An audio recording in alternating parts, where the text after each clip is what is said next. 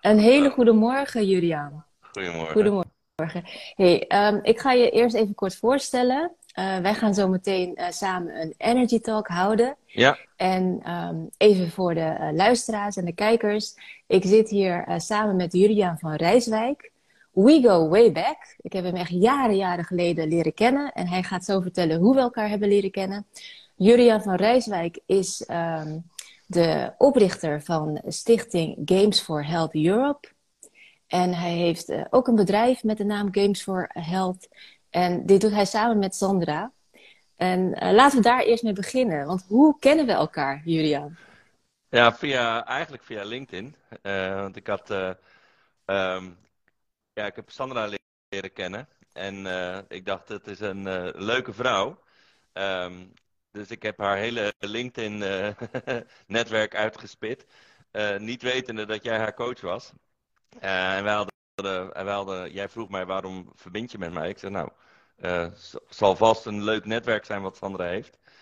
Ehm, en toen bleek het later dat jij haar coach was. Ehm, en ik eigenlijk ook eh, huiswerk was voor een afspraak. Dus eh, zo is het gekomen. Dankzij jou eh, eh, ben ik, eh, eh, ja, is het gestart. Ja, zo, ben zo zijn jullie eh, dus een, eh, ja, hebben elkaar leren kennen, hebben Ja. een relatie gekregen. Ja, Zelfs een jaar later zijn jullie getrouwd. zeker. Ja, nou dat, dat is zo bijzonder. Inderdaad, Sandra zat bij mij in een traject in 2009. En toen vertelde ze dat ze een netwerkbijeenkomst had gehad. En daar had ze toch wel zo'n leuke man ontmoet. En zo open en sociaal. En hij wilde met haar wel een keer een kop koffie drinken. En ik dacht, nou, doen? Ga- gewoon doen. Wat heb je te verliezen? Gewoon gaan doen. Nou, en zo hebben jullie elkaar dus leren kennen. Ja, En een jaar later zaten jullie volgens mij ook bij mij nog op de bank. zeker. En hebben we, hebben we kennis gemaakt. Ja, Ja. dat klopt. Dat Ja. klopt. En ja, het wat ik heel. Dus, ja, jij hebt het setje gegeven, dus dat was eh, wel heel gaaf. Ja, en het was gelijk gewoon dat jullie in... Ja, spot on. Dat Spot jullie on. vuur... Ja, nou geweldig. Ja, Ja. echt prachtig verhaal. Ja, zo zie je maar. Ja, Hè? Je weet het nooit, gewoon Nee. gaan. Ja, Ja. Nou, nou, en zo zijn jullie dus ook samen ervoor gegaan. Hè? Dus naast dat jullie met elkaar in het bootje zijn gestapt, eh, hebben jullie samen de stichting Games for Health Europe eh, opgestart. Ja. En vanuit daar doen jullie een aantal projecten. Nou, wat je Ja. me zojuist vertelde, zes jaar later zijn jullie ook het bedrijf gestart met de naam eh, Games for Health. Ja. Maar vertel eens wat meer over jouw eh, ondernemende leven. Hoe is het allemaal zo gekomen? Nou ja, ik, ik ben. ehm, ik wilde toen ik vier was boswachter worden. Eh, geboren en getogen Rotterdammer. Mhm. Dus het Kralingse bos was een soort van eh, de, het uitzicht. Maar, ehm, eh, en dat kwam omdat we in Drenthe altijd op vakantie gingen. En daar midden in het bos stond een, eh, een huisje met zo'n schoorsteentje. En heel, ja, het kwam heel idyllisch altijd op mij over. En toen vroeg ik aan mijn moeder van, wie woont daar? En toen zei mijn moeder, de boswachter. Nou, dus ik had zoiets, als ik daar wil wonen, moet ik boswachter worden. Dus zo is het eigenlijk gekomen. Eh, dus ik ben de lagere, ik heb echt beroepsopleidingen heb ik gedaan. Dus LBO, MBO, HBO, allemaal in de bosbouw. Dus lagere bosbouw en cultuurtechnische school, middelbare bosbouw en cultuurtechnische school. En de hogere. Ja, zo. Ja, wat een Ja. traject. En dat begon allemaal met het zien van het schoorsteentje. Ja. Absoluut. Dus dat vond ik zo mooi. En ehm, ik was op een gegeven moment, kon ik boswachter worden. Dus nou ja, ik wilde gewoon boswachter worden. En toen zei de decaan, die zei van, hé, jij kan zo goed leren, ga maar lekker door. En ik had zoiets van, oké, nou, dan ga ik maar door. Ik ben hartstikke jong. Ehm, dus toen ehm, kwam mijn droomadvertentie in de krant te staan. Eh, eh, boswachter gezocht door Staatsbosbeheer op Vlieland. Ik denk, nou, die is voor Mhm. mij. Dus ik een brief schrijven naar eh Staatsbosbeheer. En toen kreeg ik een afwijzing omdat ik overgekwalificeerd Ja. was. Krijg je dat Nou. weer? Hè? Dus dat vond ik echt heel erg. En toen was ik zo boos. En denk van, nou, dan ga ik de alle, alle, alle, alle, alle moeilijkste studie in Wageningen doen. Tropische bosbouw en cultuurtechniek. En dat Mhm. heb ik gedaan. Ja. En toen in eh, Brazilië een hele tijd doorgebracht. En, eh, In het oerwoud. Ja, in, eh, in de Amazone. En ehm, teruggekomen als ambtenaar bij het ministerie van Landbouw. dus dat is mijn start van mijn carrière. Ja. Ja, dus je hebt bij de overheid gewerkt hè, voor een aantal jaren. Ja, en mijn baas, die had zoiets van, nou, er zit meer in dan dat jij de rest van je leven ambtenaar wordt. Dus ik heb altijd wel mensen om me heen gehad die zoiets hadden van, hmm. Ehm, ik, en toen die bij mij, uh, mij bij zich riep, toen zei hij van, uh, mensen die wij langer dan zeven jaar bij het ministerie hebben, die blijven over het algemeen voor de rest van hun leven. Dus ik zei tegen hem, nou, ik wist niet dat dit mijn exitgesprek was, maar dankjewel voor de tip. Dus toen ben ik het bedrijfsleven ingegaan. Heb ik een, uh, een commercieel directeur bij een, bij een, een bedrijf geweest wat softwarearchitectuur ontwierp voor hele complexe, ingewikkelde apparaten en systemen. Mm -hmm. maar door de internetbubbel die vier jaar later plaatsvond, um, was dat bedrijf eigenlijk te klein om gezonde, gezond door, verder te kunnen. Dus dat bedrijf is gefuseerd uh, met M&E partners. En ik heb nog steeds heel veel contact met heel veel mensen die daar werken. Dus dat was een hele, hele goede move. Mm -hmm. Het gevolg ervan was wel dat ik weg moest. Dus toen ben ik uh, eigenlijk voor mezelf begonnen. twee jaar als, ja, maar eens even leren en kijken hoe dat werkt als je op jezelf staat. Um, ja, dus de, eigenlijk... dat je eigen ondernemer bent geworden ja. is eigenlijk door een samenloop van omstandigheden. Ja. ja. ja.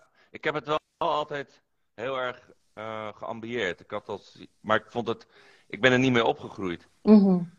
Ja. Uh, mijn, mijn, ouders, en ik weet nog dat de, de, vlag ging uit toen ze hoorden dat ik ambtenaar was. Ze hadden zoiets van, nou, die, heeft, die is voor de rest van zijn leven onder. Hij heeft het gemaakt. Ja, ja precies. ja. Nou, dat, uh, dat vond ik eigenlijk niet. En nee. dus de stap, maar wel de stap zetten om, ja, zonder vast dienstverband bij het Rijk. Mm -hmm. um, uh, ja, dan toch je, je, je, je leven op te bouwen en je carrière en je geld te verdienen voor je gezin. Dat was toch wel een stap. Dus ik ben twee jaar lang consultant geweest. Ik zeg altijd insultant. Dat, uh, ja, ik zag het staan. Wat is het verhaal achter insultant? Want dan do dat doet me denken aan het woord to insult. Ja, ja consultant, dat, dat, daar heb ik een, een mening over, consultant. Dus ik, ik voel mezelf niet echt een consultant en ik ben eigenlijk altijd wel een een, andere, een andersdenker. Dus, um, en ja, omdenker wordt het ook wel genoemd. Ja. Dus ik had zoiets van, ja, uh, ik ben niet een adviseur die iemand gaat vertellen wat hij kan doen. Ik probeer uh, te challengen. Mm -hmm. uh, dus eigenlijk een beetje te prikkelen. Ja, je, bent een gamer, een gamer ja, in hart ja, en probeer, nieren. probeer het uit, dat klopt. Ja. ja. Um, en nou ja, eigenlijk vanuit die hoedanigheid um, de wereld van games letterlijk ingegaan. Mm -hmm. Met een bedrijf wat grote massive multiplayers vanuit Korea uh, importeerde uh, voor de Europese markt. Mm -hmm. En dat was wel echt een uh, ja, ja, super, um, hoe zeg je dat, alles ontdekkend, alles moeten ontdekkend bedrijf. Waar we heel veel hebben geleerd. En wat super spannend was. Om te kijken hoe je nou zo'n grote groep met mensen. En dan heb je het over honderdduizenden mensen. Die je eigenlijk digitaal aan het vermaken bent. Zo. Zo heel ja. bijzonder. Ja, ja, dat is zeker bijzonder. Ja, dat was en... eigenlijk in het begin van het internet. Mm -hmm. Nou, en hoe ik het voor me zie, omdat je dan eigenlijk, eigenlijk lijkt het alsof je een soort van uh, dubbelleven hebt geleid. Hè? Dus uh, vanaf kind af aan ben je gewoon helemaal altijd into gamen geweest. En ja. overdag bouw je een heel serieus leven op. Zeg maar, hard, als een hardwerkende, ambitieuze uh, ja, medewerker. Hè, om, om je rol in de maatschappij te vervullen. En, en op een gegeven moment komt het eigenlijk samen. Klopt. Dat, dat je dat gamen, wat je, waar je gewoon zeg maar een geest voor hebt. Ja. Dat je daarmee vraagstukken gaat oplossen. Ja, dat was, ik weet nog de, de dag, 6 januari 1996, uh, werd ik dus gevraagd om een probleem op te lossen wat er was, namelijk de, uh, de varkenspest was uitgebroken. Uh, dat was bij het ministerie. En dat was een hele lastige situatie. Um, en daarvoor had men allerlei gedoe in het landelijk gebied. Met de recreatie, de natuur, de landbouw. Die wilden allemaal dingen. Dus toen heeft mijn, uh, mijn, manager toen, George Beers, die zei van kun je niet een soort van SimCity-achtig ding bouwen? Maar dan voor de, voor de landbouw. Nou, dat is Ah. Sim Ruralis geworden, hè, rural, rural area. Dus ik heb toen eigenlijk de opdracht gekregen, bouw een Sim Ruralis. Dus maak een si- simulatiespel van het landelijk gebied. En dat is wat ik eh, ja, eigenlijk heb, ge- heb gedaan. Mhm. Ja. En dat was ehm, eigenlijk had, had ik zoiets van wauw, ik kan dus mijn, eh, mijn, mijn hobby, eh, Pac-Man, Pac-Man spelen, spelletjes maken, kan ik combineren met mijn werk. Hoe gaaf is dat? Ja, dat is ontzettend gaaf. Ja. Ja. En hoe werkte dat spel dan? Eh, Nou ja, ehm, hoe dat spel werkte was dat je. ehm, we hadden bijvoorbeeld een, ele- een, een element op het gebied van water. Hè, water is gedoe. mhm. De landbouw die wil het liefst een meter onder het maaiveld grondwater hebben. En de, en de natuur het liefst 1 centimeter onder het maaiveld. Nou, ehm, je kunt je voorstellen, als jij de baas bent van het waterniveau. Dan kan je dus gaan kijken wat er gaat gebeuren als je het gewoon zeiknat maakt. Nou ja, dan gaat die landbouw heel erg slecht. Want je hebt wel de opdracht om gewoon te zorgen dat iedereen eh, te eten heeft. Dus als jij eh, de natuur wil helpen zonder rekening te houden met de landbouw, ja, dan gaat het, en je zet alles onder water, gaat het helemaal mis. Dus je moet zelf eigenlijk uitzoeken wat nou, waar het wel kan en waar het niet Mhm. kan. Dus je bent echt letterlijk spelenderwijs bezig om te kijken van nou, is het slim om hier natuur te maken? Is het slim om hier landbouw te hebben? Ehm, en dan ga je eigenlijk kijken naar de economische uitkomsten, maar ook naar de natuurwinst, hè? eh, om maar even in economische termen te praten. En zo ontdek je eigenlijk dat, eh, dat het best wel wat lastige thema's zijn. Ja. Ja. En je maakt mensen dus bewuster van wat, wat ze aan het doen zijn. Ja, het, het, het- het- met een hele chique term noemden wij dat het begeleiden van complexe besluitvorming. Ja. Dat zijn inderdaad hele, hele ingewikkelde vragen waar niet zomaar één antwoord op te geven is. Ja, en ehm, het, het helpt ook heel erg, weet ik nog wel. We hebben dat ook gespeeld met, met burgemeesters, we hebben dat ook gespeeld met eh, de natuurlobby, die allemaal heel fel erin zaten. En toen hebben we eens gezegd van nou, als de natuur nou eens de landbouw speelt. En de, de boeren die spelen de burgemeesters en de burgemeesters worden boeren. Mhm. Dan ontdekken ze in wat voor een dilemma en keuzes ze terechtkomen. En dan komt er ook veel meer begrip voor elkaar. Absoluut. Ja. Dus, dat, dus, die, dus je kan beter eh, consent hebben Mhm. dan consensus. Mhm. Dus dat polderen, daar was ik eigenlijk nooit zo voor. Want dat is een compromis van twee uitersten. Maar consent is dat je begrip hebt voor de situatie van een ander. En die dan laat prevaleren. Mhm.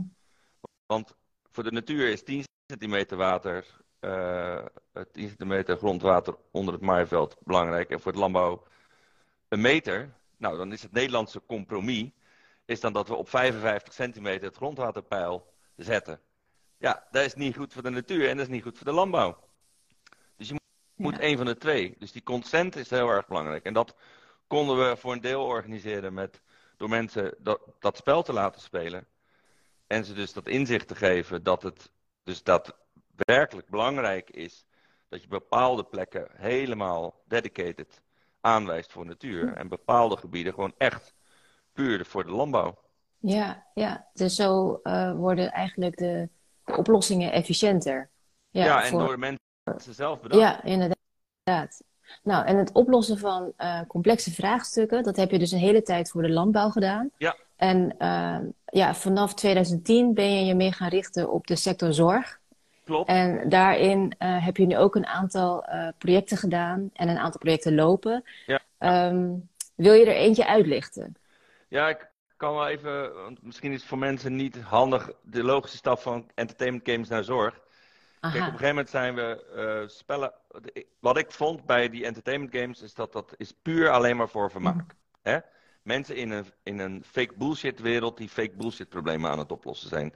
Ik had zoiets van, kan je niet die kennis en eh, ervaring van al die slimme mensen die aan het puzzelen zijn heel de dag aanwenden voor echte problemen? Zijn we eigenlijk spellen gaan maken voor het bedrijfsleven. We hebben bijvoorbeeld eh spel voor KLM gemaakt. waarbij mensen met KLM konden spelen. Vonden ze hartstikke leuk. Een grote fanbase aan, aan spelers. En die spelers zaten eigenlijk continu te bedenken hoe KLM een betere airline kon worden in het EGI. En dat hielp KLM ook echt. Mhm. Alleen daar had die speler nog niet zoveel. ehm hoe zeg je dat? Die had, die had daar niet zo heel veel aan, want dat was alleen maar ter faveur van KLM. Mhm. Nou, en toen ben ik in 2007 betrokken geraakt bij een spel voor kinderen met kanker. En daarvan werd in een onderzoek aangetoond dat kinderen die dat spel spelen sneller herstellen van kanker, omdat ze therapietrouw ontwikkelen en minder stresshormonen in het bloed hebben. Dus toen had ik zoiets van, het is dus daadwerkelijk mogelijk om gezondheidswinst te boeken voor een speler zelf. Dus je doet iets wat je leuk vindt om te doen. En het is ook een keer nuttig voor je gezondheid. Ja, ik, ik heb eerder ehm, eh, wat gesprekken van jou gezien hè, op het internet. En Ja. daar heb je ook gesproken over dit spel. Dat heet Remission, geloof Ja, ik. dat staat hier eh, nog achter mij. Ja, In een oud DVD-hoesje. ja. Met een eh, hele krachtige superhero op de Ja. voor. Klopt, dat is ja. Roxy. Dat is Roxy. Roxy. Ja. Ja. Ja. Nou, eh, Roxy heeft dus heel veel betekend voor eh, kinderen om, om tot een bepaalde bewustwording te komen. Hè, van dat het belangrijk is om je medicijnen te nemen. Ja, en, want die kinderen die speelden dit spelletje, want Roxy is heel klein. Ja. Dus die neem je als een pilletje, slik je die in. En die, en die moet de kanker, eh zou ik maar zeggen, eh, weghalen. Hm. Of vernietigen. Maar hoe doe je dat? En het enige wat ze als aan wapens had, dat was chemokuur, messen, bestralingsapparatuur, eh, nou, gezond eten, et cetera. Dus je moest als kind, die kinderen zaten letterlijk uit te zoeken wat nou hielp en wat niet hielp. Ja. In het spel. En toen hadden ze zoiets van- fantastisch. Toen hadden ze zoiets van, hé, hey, als dit werkt voor Roxy in dat spel, dan werkt het ook vast voor mij. Mhm. En zij ontdekte dus dat het, als je iedere dag op dezelfde tijd eh, de juiste hoeveelheid eh, chemo toediende, dan hielp dat dus bij je herstel. Mhm. Ja. Ja. Ja.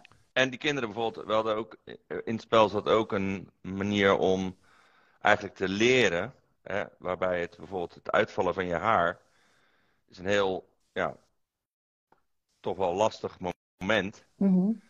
Uh, maar in dat spel is het omgedraaid in een feestmoment. Want um, uh, je haren zijn, zijn, die, dat zijn sneldelende uh, cellen. Hè, want je haar groeit heel snel. Mm-hmm. Als je chemo dus aan, de chemo die remt sneldelende mm-hmm. cellen. Dus het, het, teken dat je haar uitvalt is dus dat die chemo aanslaat. Dat het positief is, dat ja. is en dat is dus heel positief, want dan werkt het. Ja.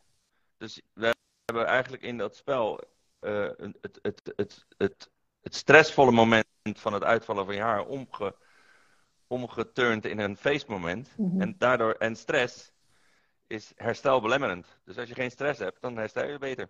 Ja, inderdaad. Dus het leverde heel veel positieve effecten op. En Ja. dus met dit spel Remission ging jouw hart eigenlijk open richting hoe kan ik met mijn games bijdragen in de gezondheidssector. Ja, want toen had ik zoiets van, dan kan ik eindelijk spellen maken die nuttig zijn, hè, zoals de Belgen dat mooi noemen, nuttige spellen. Ja, Wat wij dan ook serious games noemen. Dus het is A, leuk om Ja. te doen. En je hebt er ook nog eh, profijt van ten aanzien van jouw gezondheid. Mhm. Hoe vet is dat? ja. ja dat is een eh, gouden Ja. combinatie. Dat vond ik dus ook. Dus daarom Ja. hebben we toen, en we kenden de zorg helemaal niet, zijn we de stichting Games for Health ehm, gaan starten. En ehm, omdat we al zoiets hadden, nou dan gaan we, als het, gaan we het geld dat we verdienen in het bedrijfsleven, dat investeren we in de ontwikkeling van spellen in de zorg. Eh, want er zit vast toch geen verdienmodel achter, totdat we de zorg leren kennen en erachter kwamen dat er wel degelijk, dat er wel degelijk een, eh, een economie Ja. is. Mhm. Dus, en zo eigenlijk in die, eh, met Games for Health in, ehm, in 2016 een bedrijf gestart. Nadat we de commerciële eh, bedrijf hadden verkocht. eh, waar we de spellen voor KLM maakten. Eh, toen zijn we s- een bedrijf gestart voor spellen helemaal gericht op de zorg. En ja, eigenlijk nu heel veel gedaan, wel honderd gemaakt. Zo. van- vanuit het idee, wij gaan een keer een aantal spellen ontdekken die net zoals entertainment games heel erg kunnen worden opgeschaald. Mhm. Nou, en daar is Post IC, dat is een, een digitaal dagboekje, heeft helemaal niks met een game te maken. Maar wel met speelse interacties. Dus het is een hele, ehm, eigenlijk een heel mooi ontworpen eh, oplossing. Die door ehm, verpleegkundigen en families wordt gebruikt om voor een patiënt die op de IC ligt een dagboek bij te houden. Want je kunt je voorstellen als je op de IC ligt, hè, dan lig je, daar lig je alleen maar als je leven in gevaar is. Ehm, dus men is daar alleen maar bezig om jou in leven te houden. En daarmee bezig zijn is een heel, ja, zeg maar, gewelddadige, uh, een hele gewelddadige omgeving. Het is een very, ja, in het Engels very violent, zeg maar zeggen. Het is een traumatische ervaring om dat mee te maken. Ah, ja, je, zeker. Je leven, je leven is in gevaar, dus daar heb je al, eh, als je er al bij bewust bent, dan is dat al heel zwaar. Je familie en je, je, uh, je vrienden om je heen, die maken zich enorm veel zorgen over je. Dat, dat, dat voel je.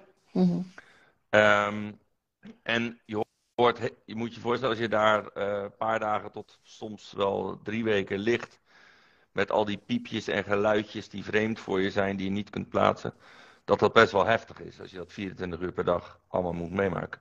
Nou, en 50% van de IC-patiënten die dus op een IC hebben gelegen, die ontwikkelen uh, allerlei gevoelens van angst en depressie. Uh, en delier. En dat wordt onder de verzamelterm wordt dat het post-intensive care syndroom genoemd. Dat is een PTSS, een posttraumatische stressstoornis, waar je enorm veel last van kan hebben. Soms al jaren na afloop van een IC-opname. En wij weten nu dat uit onderzoek um, dat eigenlijk de enige manier om daar iets uh, tegen te doen of voor te doen, is het bijhouden van een dagboek. Ja, ja wat en ik boeiend vind um, uh, van ja, deze hele situatie op de intensive care, is dat mensen die op de intensive care terechtkomen, natuurlijk al een trauma hebben opgelopen. Ja. Hè? Dus, en dan komt er eigenlijk nog een trauma bij. Ja, uh, hoe weet, je wat wat is? Nee, Niet. nee dat Um, weet je. Kijk, um, er zijn mensen die gepland op een IC Ja. terechtkomen. Hè? Ja. Als jij, als jij een, een hartoperatie moet ondergaan of een niertransplantatie, whatever, dan weet je, ik beland op de IC. Ja, normaal is dat uh, niet zo echt een echt heel groot drama, omdat je, je bent erop voorbereid, je weet het. Maar één op de zoveel patiënten, die blijft veel langer liggen, zonder dat men kan verklaren waarom.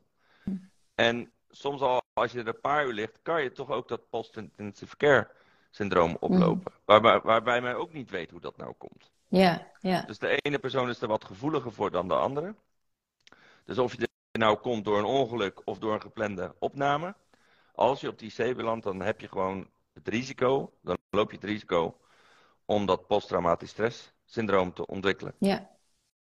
ja. En uh, hoe ze dat dus uh, hebben opgevangen was door het gebruik van een geschreven dagboek. Ja, Klopt dat? ja sinds Ja? de jaren 50 in Denemarken en Zweden werden papieren dagboekjes bijgehouden, omdat men wist, als je last krijgt na afloop, en je kan vervolgens teruglezen in dat dagboekje naar een periode die je zelf niet meer kunt herinneren, maar dat je het wel weer kunt gaan voorstellen. Ja. Dat helpt bij het verwerken van dat trauma. Mm-hmm. En wat ik niet wist en maar wat ik dus in 2019 ontdekte, is dat er dus geen digitaal dagboekje was. Want met een digitaal dagboekje kan je geluid opnemen, je kan video's opnemen, je kan foto's maken. Dus Ja. dat is eigenlijk een veel rijker dagboekje dan een papieren. Inderdaad, hoe bizar is dat? Hè? Dat in bepaalde sectoren en ja, situaties eigenlijk nog uh, gebruik wordt gemaakt van papier. En jullie hebben Zeker. daar dus ja, iets, iets op bedacht. Ja, Ja. samen met eh, Mark Buizen, anesthesioloog van het Catharina. Ja, Die, eh, die was daar echt mee. Die was echt een eh, zeg, gepassioneerd IC-nazorgarts. Eh, dus die wilde echt, die, die dacht van ja, dat, dat fysieke hè, van je lichaam, dat, dat, dat lukt of dat lukt niet. Hè? Maar de mentale klap die je ervan over kan houden, daar weten we eigenlijk nog heel weinig van. En daar doen we ook eigenlijk niet zoveel mee. Mhm. Dus ja, ik vond dat ook wel een mooi domein om ehm, iets voor te betekenen. Ja, Nou, daarmee hebben we ook de, de Nationale Zorg Innovatieprijs vervolgens gewonnen. En zijn we nu eh, zowel in Zweden, in Nederland als in Canada en Amerika het, eh, het dagboek aan het eh, uitrollen. ja, geweldig. Dus dat het digitale dagboek is voor de, voor, ehm, de artsen en de verpleegkundigen die dan daarin notities maken over hoe het, hoe het is verlopen. En ook voor de familieleden. Ja, dus de familie samen met de verpleegkundige, de artsen schrijven niet. Oh, de artsen Het niet. zijn Nee. met name verpleegkundigen, de IC-verpleegkundigen, Ja, die schrijven. En het gaat niet om medische informatie, het gaat om emotionele en persoonlijke Mhm. ja, momenten, gebeurtenissen. En dat kan zijn van de buurvrouw heeft een, eh, een, eh, mooie bos bloemen uit de tuin eh, geplukt. En ja, die staat nu naast jou, ja, naast, je, naast je bed op het, eh, op het nachtkastje. Dat soort berichten. ja, mooi. Eh, Een verpleegkundige die kan schrijven, nou je hebt voor het eerst sinds een week je ogen open gedaan. Eh, het zonnetje schijnt, allemaal dat soort. Eigenlijk dat je je kunt voorstellen als je daar later behoefte aan hebt. Om in dat dagboek te lezen. Dat je dan een beeld kunt ontwikkelen van, oh zo was het. Want Mm. wat jij denkt, is niet wat er gebeurd is. En wat je Mhm. denkt dat je hebt vastgelegen, dat je mishandeld bent geweest. Dat de mens zich totaal niet om jou bekommerd heeft. Dus je, gaat al, je wordt gek in Ja. je hoofd. Terwijl Ja. men juist enorm met jou bezig is geweest. Mm. Nou, mooi dat dat, dat helpt om ehm, de traumatische gebeurtenis te verwerken. Ja, of Ja, het nou van het ongeluk komt of van het liggen in, op de intensive care. Het, eh, het draagt bij aan het herstel. Ja, dat vind ik ook heel mooi. Ja, Ja. en eh, in hoeveel ziekenhuizen wordt het nu gebruikt? We hebben nu eh, in Nederland 26. eh, in Amerika 2. Canada zijn we met twee bezig. In Zweden 2. Dus ehm, ja, dat ehm, Nou, wat een prachtige ontwikkelingen. zeker. Ja, ja, echt heel mooi. Ja, en ik vind het ook mooi dat dit, dit, is natuurlijk ook een, waar we nu ook vooral mee bezig zijn, is, eh, en wat we hebben gezegd, wij willen een, eh, de missie is om uiteindelijk 1 miljard mensen te kunnen bereiken met onze eh, toepassing. Dus hoe krijgen we dit nou weer op schaal? Want het is, we hebben nu in ieder geval een toepassing ontdekt die werkt. De uitdaging zit er dus nu in, hoe krijgen we dit op schaal gebracht? Zodat zoveel mogelijk mensen er profijt bij hebben. En dan heb je het alleen maar over dit product. Ja, dit is er één. En Oh, we, dit. hebben er nog, we hebben er nog meer in de aanbieding, zou ik maar zeggen. Ja. We zijn nog bezig met een aantal andere, omdat we gewoon, ja, wil je echt zo'n groot bereik gaan organiseren, zal je ook meerdere producten moeten hebben. Mhm. En er zijn dus nu een aantal producten in de markt, Ja. die, waarvan de eentje op 1 mei eh, gelanceerd gaat worden. Ma- in eh, Mag je, daar al, ma- mag je daar al iets over vertellen? Ja, dat is een. ehm, eh, het heet Buddy You. Het Mm. is een. het is een. eigenlijk een. Ja, zoals dat dan in medische termen wordt genoemd, een patient support program. Dus het ondersteunt patiënten. Maar wij zeggen eigenlijk, ja. Je bent eigenlijk maar een half uur per jaar patiënt. Die andere 364 dagen, 23 uur en 30 minuten ben je mens Mhm. die te leven heeft met een chronische Ja. aandoening. Ja. Nou, ga er maar aan staan. Dus wij hebben met name voor die 364 dagen, 23 uur en 30 minuten een oplossing gemaakt die mensen kan ondersteunen om te leren omgaan met psoriasis, overgewicht eh, en hun te helpen met eh, eh, contact met anderen, wat ze dan zo fout vind ik lotgenoten noemen. Mhm. Ehm, maar andere mensen met dezelfde ja, health condition, zoals de Engelsen zo mooi zeggen. Ja, eh, om eigenlijk gewoon met elkaar, eh, en of dat nou je, je, je, je geliefde is, of je familie, of het is een totaal vreemde. Heel veel ziektes gaan gepaard met stigma en schaamte. Nou, en dat, is, dat maakt het vaak heel erg lastig om er iets om erover te praten of er mee te doen. En de zorg die vindt het ook lastig om er iets mee te doen. Want heel veel chronische aandoeningen zijn niet voor niks chronisch, want ze zijn niet meer. Het is niet te genezen. Maar je kan, het wel, je kan er wel heel goed mee leven. Mhm.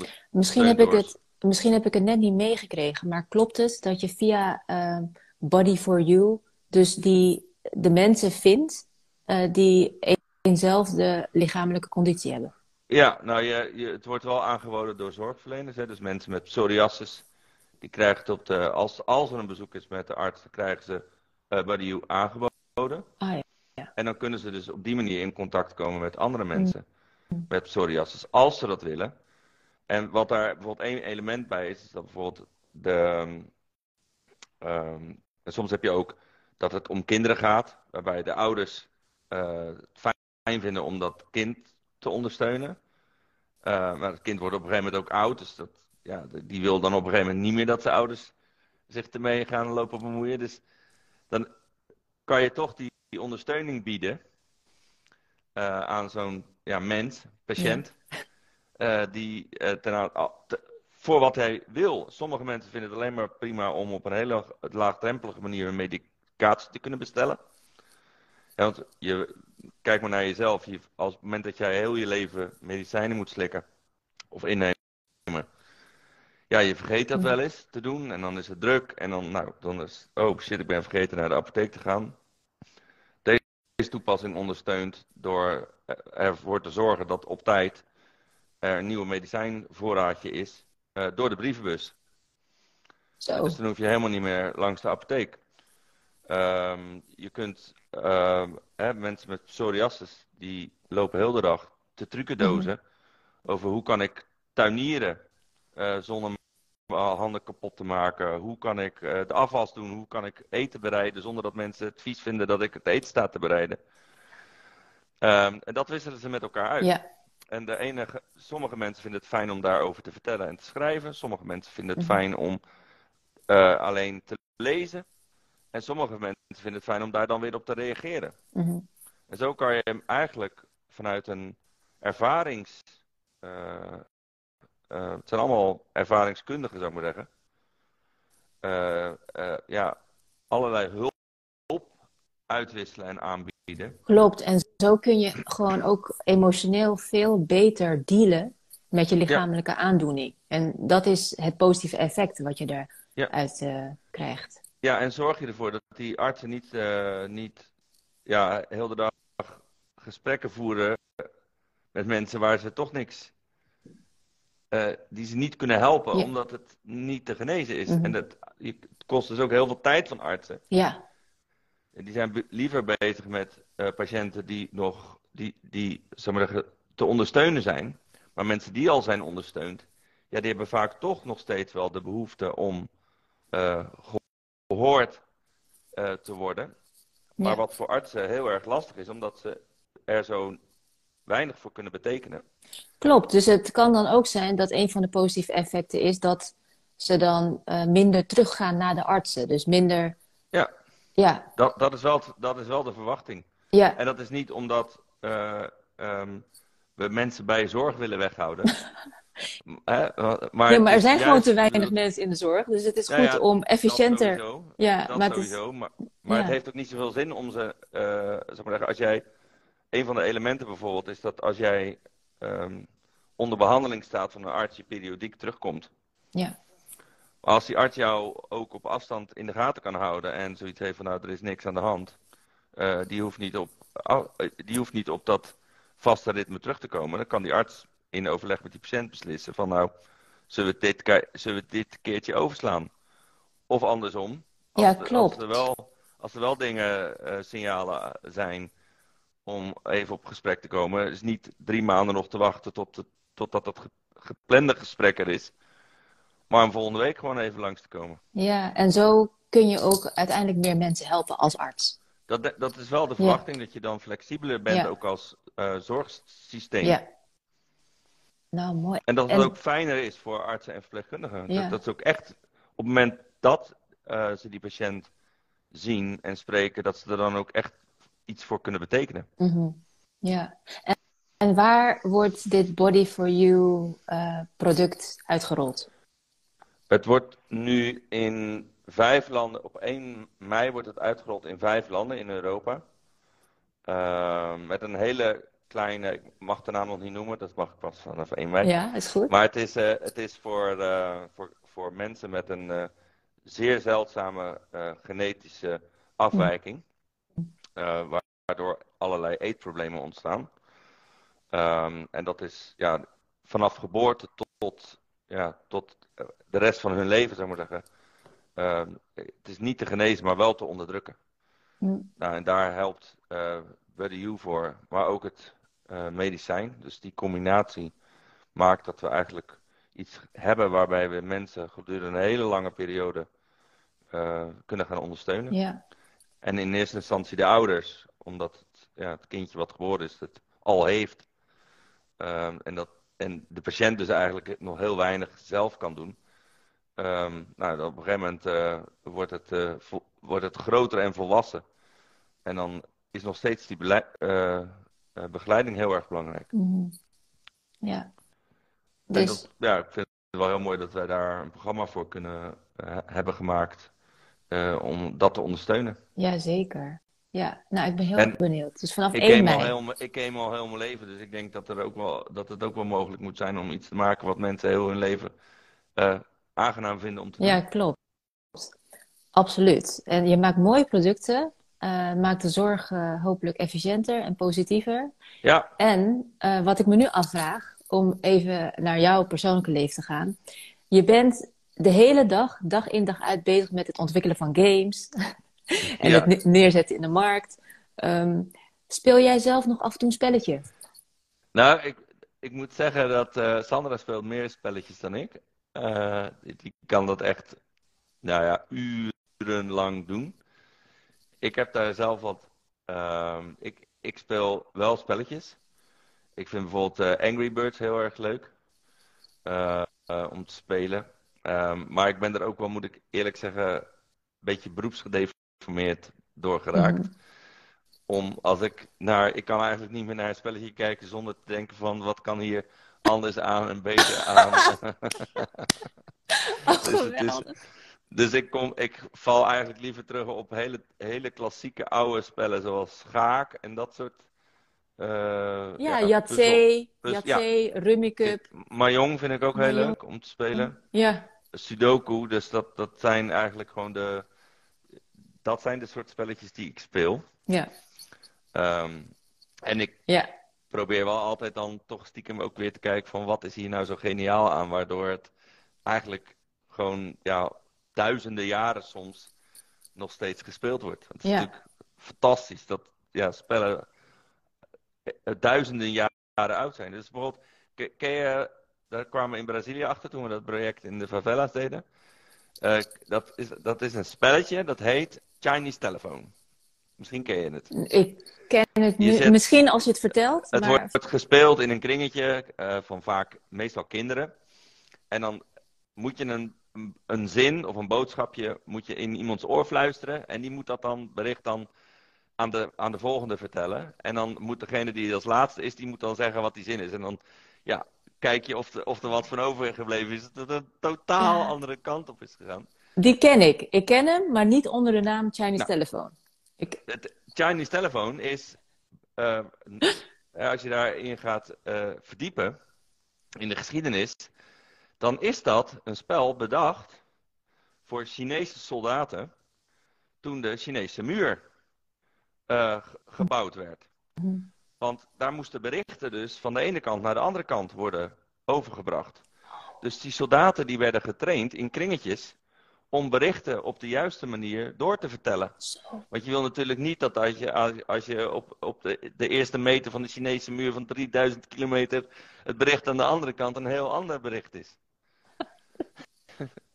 oh. Dus daar, dat was eigenlijk een serious game om soldaten te trainen om op de juiste manier een boodschap over te brengen. Ja, dus daar komt het vandaan. Ja. En uiteindelijk is het dus eigenlijk een spelletje geworden, wat echt enorm lachwekkend kan zijn. Ja. En ja. verbindend ook, hè? want ja, iedereen ligt met z'n allen in de scheur, omdat de uitkomst meestal niet hetzelfde is als wat er als eerste in is gegaan. Precies. Maar die Chinese soldaten, ja, die moesten dus, dat was echt serieus. Ja, dat, dat was, uh, dus ik, ik heb al zoiets, volgens mij was dat een van de eerste serious games op aarde. een spel bedacht om ja, inderdaad een heel serieus onderwerp te trainen. Ja, zo. Ja, geweldig. Ja. Nou, Julian, dank je wel voor je tijd vandaag en voor het delen van al je mooie ja, ontwikkelingen, producten, diensten hè, die je verzorgt vanuit Games for Health.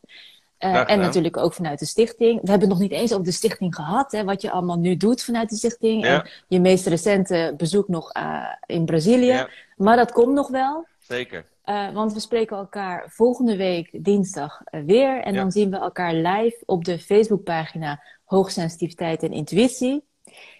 En nou, daar kijk ik enorm naar uit. Ik ook. Hartstikke leuk. Bedankt voor, je, voor het interview. Ja, graag gedaan. En ik hoop dat ik hoop dat er wat mensen wat aan hebben gehad en het leuk hebben gevonden. Ja, ja dat hoop ik ook. En mochten er nog vragen zijn, net naar aanleiding van het beluisteren van uh, het interview uh, van ons, dan uh, ja, trek me aan de bel. Je kunt Julian en mij bereiken. Um, nou, we roepen natuurlijk alle verpleegkundigen op hè, om te luisteren. Te luisteren. En te kijken. En, te, en te kijken. En, en het in gebruik te gaan nemen. Dus um, ja, we zien elkaar snel weer. En uh, nogmaals bedankt voor vandaag. En uh, ja, fijne dag vandaag. Fijne dag. Thank you. Bye bye. Doei doei.